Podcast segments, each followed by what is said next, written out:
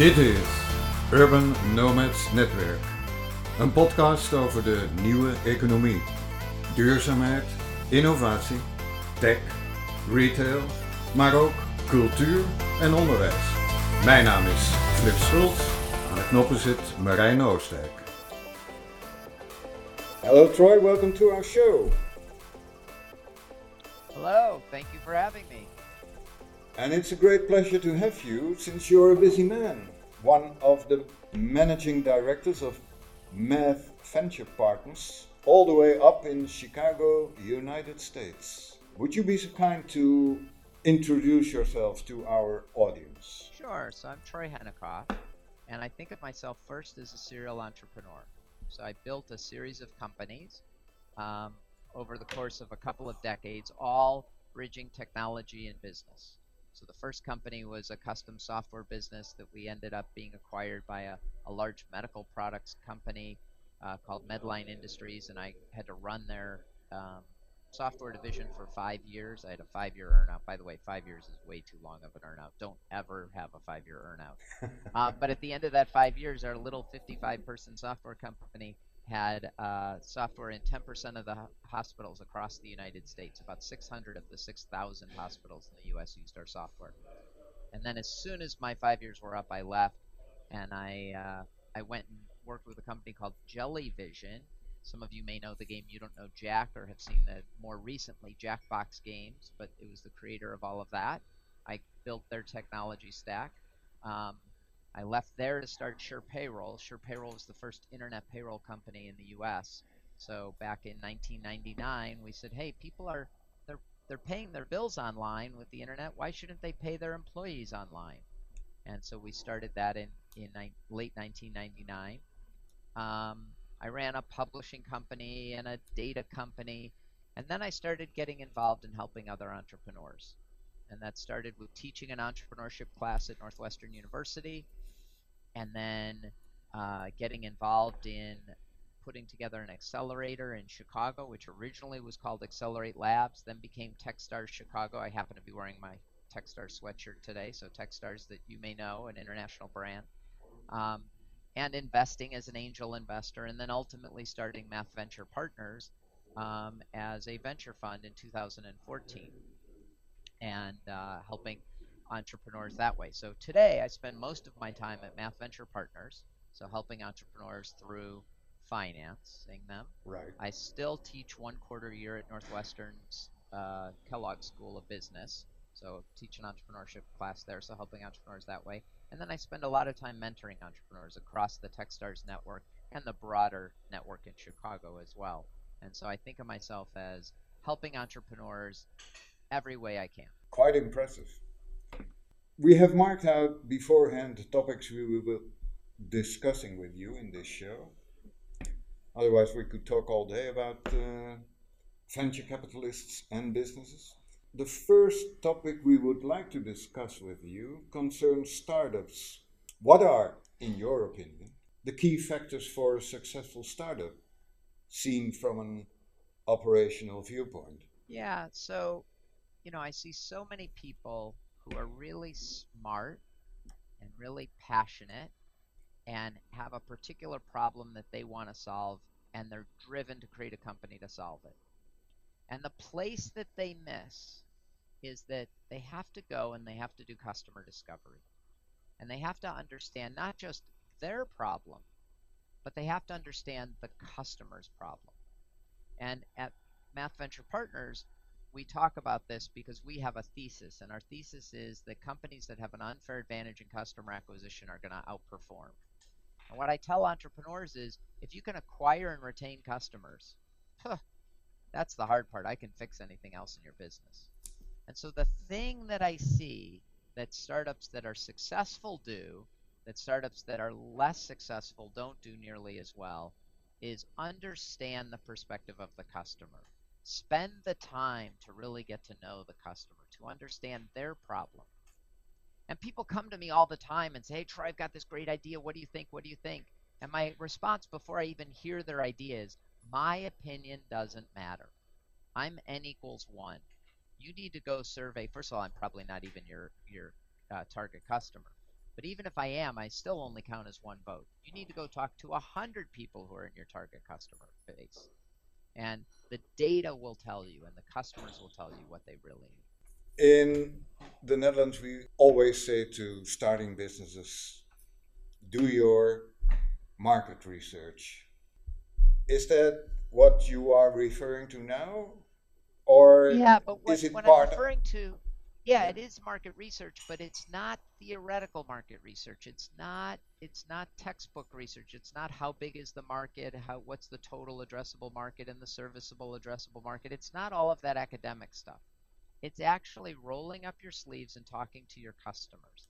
And uh, you know, Steve Blank does a great job of this. I don't. Steve Blank is a, a professor at Stanford University and teaches some of the seminal entrepreneurship classes. He has, by the way, there is a great class online that is free. I assume it's free in the Netherlands as well, but in the U.S. on the platform Udemy, um, and I think it's EP245, if I'm not mistaken. But it's Steve Blank's class in um, in, in in startups, and he talks about the it walks you through. It's a video class, the entire process from customer discovery to building that first product. And he talks about one of the things he says is, you know, no business plan has ever ever survived its first encounter with a real customer. You can plan all you want, but until you engage with the customer, what matters is that you have customers. A product without customers is not a company, it's a product. A product with customers is a company. And so we believe you have to be more customer centric. You can never be too customer centric. Troy, you as partner of Math uh, Venture Partners, are one of the partners who does the video blogs. And in your video blogs, which we highly recommend watching to our audience, you talk about the right KPIs. And we talked with some of uh, our um, people in the co working space here, and they were a bit sketchy about KPIs. Aren't they a bit overrated? And in addition, does a small business need KPIs? Yeah, so here's here's my feeling on it. KPIs, key performance indicators. So I believe two things fundamentally. The first is that if you take smart people and you focus them on the right problem, that they're going to ultimately solve it. And the second is that if we measure the right things, we're going to able that smart people are going to want to win at that game. If we play the think about it as a game. If I mm-hmm. if I mm-hmm. tell you we're playing a game and I lay out the rules of the game, you're going to want to win at the game. And if you're smart, you're going to figure out how to win. So KPIs take advantage of those two things. And what happens is if you measure the right things and you have smart people working against them, they're going to accomplish those things. Let me give you a specific example. Please. So, the example I use in the video I think you're referring to is I had a company that I was mentoring that was in the e commerce space. So, they were selling things online. Right. And we totally turned their KPIs upside down. And what we came up with was the first KPI is how much exposure are you getting top of funnel? In their case, I believe it was Instagram followers, it could be website visits, but it's a top of funnel KPI. Do how many people know we exist? The second KPI, and I recommend having a total of no more than three, because you can't focus if you have if you have 10 KPIs, you don't know what to focus on. But three is a good number. The second KPI was how many of those people did you get to make a first order? Notice I said first order, not total orders. And I didn't say dollars sold. I just want the people to order. And then the third KPI was what percentage of the people that bought in the last 60 days came back and bought again. And now let me play that back for you the way I think about it.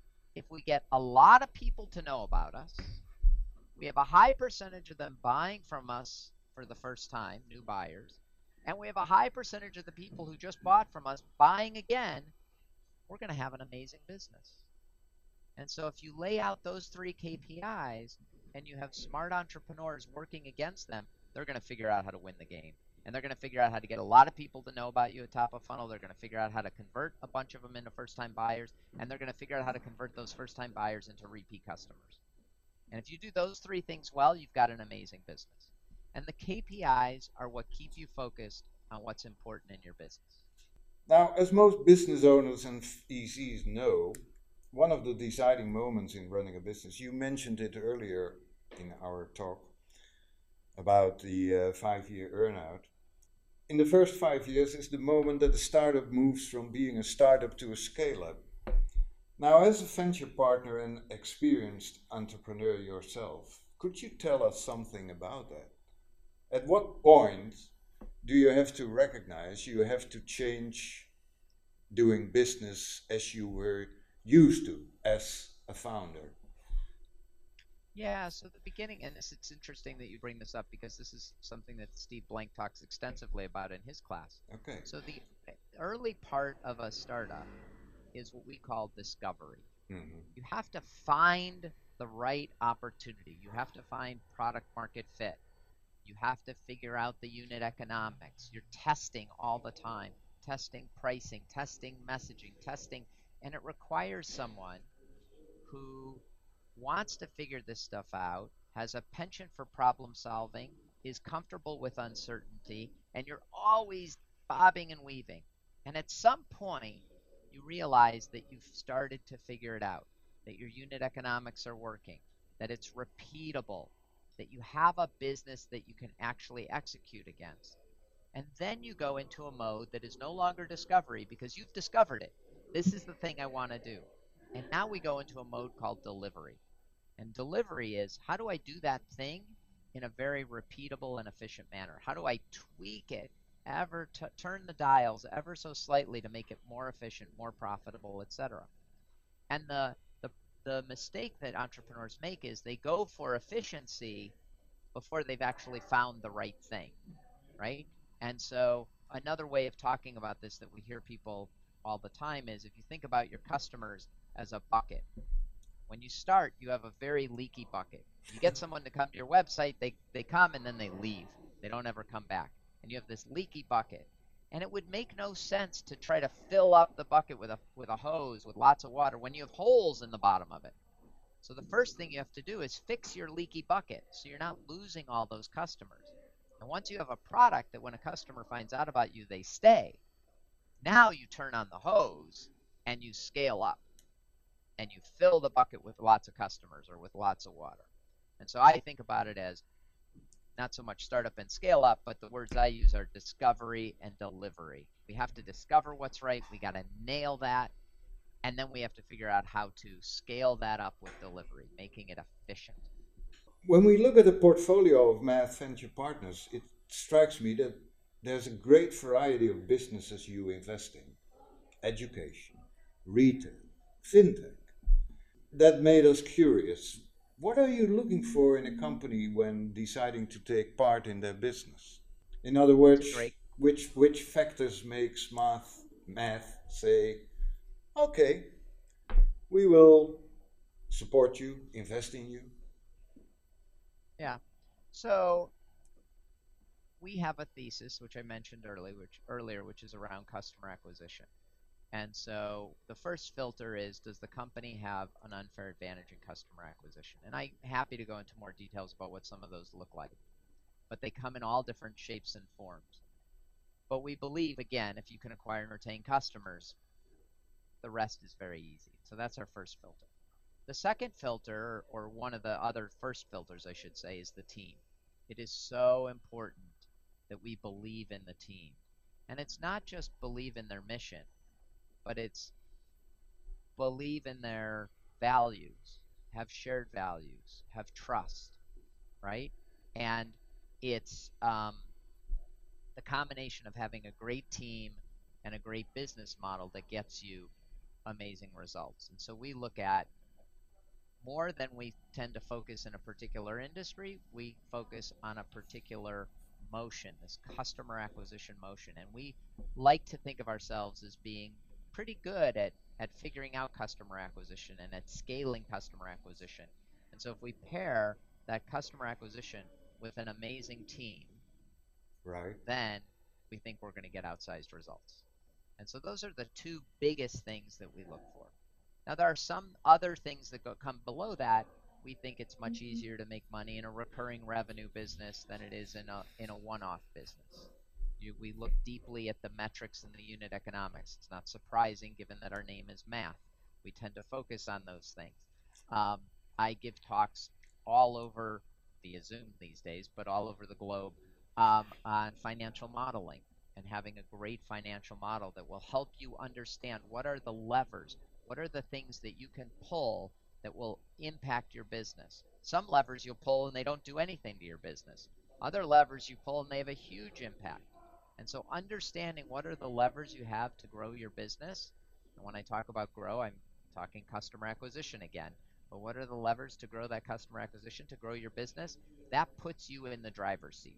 And again, smart entrepreneurs who understand what the big levers are that, that can impact their business are going to get these outsized results. And so those are a few of the things that we're looking for. I get it from uh, the name Math Ventures already that it wasn't randomly chosen, right? Uh, it was not randomly chosen. We are very metrics driven. It's really hard to instrument your business and to pick the right things. But I do believe that if you measure the right things, you will have a higher chance of success because you're on top of what's going on. You understand what is driving your business. Talking about funding businesses and the businesses you invest in, and our audience can look it up at your at your site. How long do you take care of a business? What is so? Yeah, that's a great question. So we take a very long-term view to this business in that there are, there are a number of entrepreneurs that we have funded where the expectation is, you know, this is going to be, we think this is going to be a good business and we're going to we're going to do well in it, but mm. we're building a relationship so that when he or mm-hmm. she starts his next business or her next business, we're the first people they're going to call because it's not just this business. We want the next one and the next one and the next one. This is a long term relationship business. Um, so we don't think of it as transactional, but we think about it as building relationships over time. And when you and say long term, we're talking about five years, ten years?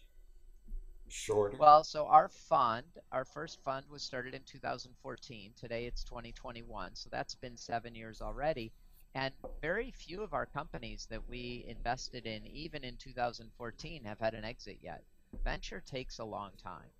When I started Sure Payroll back in 1999, late 99, early 2000, we did an exit. We sold to Paychex in 2011, so 11 and a half years later. That's a pretty long time. And by the way, one of my two partners, Mark Achler, who I started math with, um, the way I got to know him, he was the lead investor in Sure Payroll back in 2000. So we built a relationship in one business while he was at a different venture fund called Kettle Partners. He was chairman of our board and, and obviously very involved in the business. And we had our ups and downs. It just like any any entrepreneurship it was there were lots of ups and downs along the way, but we had a very nice exit. Um, the investors all did very well, and it, sure payroll is now the small business division of Paychex or the online division of Paychex and um, yet we got and we got together again because of that long-term relationship and started our next thing together, which was Math Venture Partners. So I believe that this is a business of building long-term relationships, and when I say long-term, I mean decades. Right. Good to know. We're rounding up this show. Are there, by the way, any types of businesses or business sectors which are favorite? Yeah, so we don't do, so there's some things we absolutely don't do. We will not invest in medical devices. Um, we don't know enough about medical devices, drug development. They take too mm-hmm. long, they take too much capital. We like capital efficient businesses. We focus on software businesses. We tend to do more B2C and B2B, sorry, not B2C, but we have dipped our toe in the water and done a couple of B2Cs where there was an extraordinary entrepreneur with an unfair advantage in customer acquisition, and, and we thought it was it was going to be worthwhile to, to back and work with those folks. But we tend to do recurring revenue B2B businesses. Okay. Does that also case with the educational company you're supporting? No Red Ink. Is that a business to business company? Yeah, so the way No Red Ink works, No Red Ink's a phenomenal company, and, and I've known Jeff since he was a school teacher at the Chicago Public Schools and just had this as an idea um, and pitched it to me as an idea. And to give you an idea of scale, um, I believe, I hope I'm not giving away anything too private, but I believe in the last 90 days, students used No Red Ink to answer questions about grammar, and they answered over 1 billion questions Whoa. in the last 90 days. That gives you a sense of scale, how many people are using it. And they have a freemium model where it is free to the student, so students can use it all they want, hmm and teachers even assign. Uh, I, I don't remember what is pen, the actual number. I think it's around 40% of the high schools in the United States are now using No Red Ink, something like that. Big penetration. They're doing super well. Um, the teachers can use it in their classroom um, for free. And then when they get to critical mass and the school district wants reporting and wants to know how are the various teachers doing and how are the various students doing and what subjects are we doing well, they sell B2B to the school district a set of reporting tools that takes all of that data from those billion questions per quarter that are being answered, Oh, great. analyzes it, and gives them metrics and guidelines for what they need to focus on to be a I better see. school district. I see. I see the revenue model. Great. Yep. And Thank- they're doing incredibly well. It is a great company. It has a bright future ahead of it. And uh, I think you're going to hear, if you follow, you'll hear more and more about it as they continue to grow. We will. We will. Finally, rounding this up, what would be your advice for a Dutch company who wants to start a business or do business in the United States? You know, my advice is going to be similar to the advice on the first question. So this will tie it up nicely in a bow, which is understand your customer. And there are some differences in, you know, what people, how people do business, cultural from from Europe to the United States. And so if you're going to do business in the United States and you want to you want to start selling to whether it's the American consumer or the American business person, come over to the United States. Spend time with your customers. And by the way, this goes for wherever you're selling, whether it's a new market, a new location, a new geography, a, a, a new um, you know a, a a new scale if you're going bigger or going smaller. But understand your customer and understand what problem they have, because if you can take a problem that is a pressing problem for them and come up with a simple, elegant solution, you're going to win. And I'll end this with a little piece of advice that I got from someone years ago, which is when I asked the question, how do you find where the pressing problem is? How do you find those opportunities? And what he said, and I hope this translates well to the Netherlands. he- Do you guys have duct tape? We have. know what Yes. Duct tape is so. Yes. He said, look for the place in the world where there's the most duct tape. Because you know, people use duct tape to fix things that are broken that they don't have an elegant solution for, and they just wrap it up in duct tape. So, metaphorically, look for the place where there's the most duct tape and replace that duct tape with elegance. Because duct tape is a sign that there is a pressing need for this thing to work, and there isn't a good solution for it today, so I use duct tape. Troy Henikoff from Math Venture Partners in Chicago. Thanks very much for your uplifting words and time and patience. Well, thank you for having me. I wish I could be there in person. Maybe next time. Yeah. We'll, we'll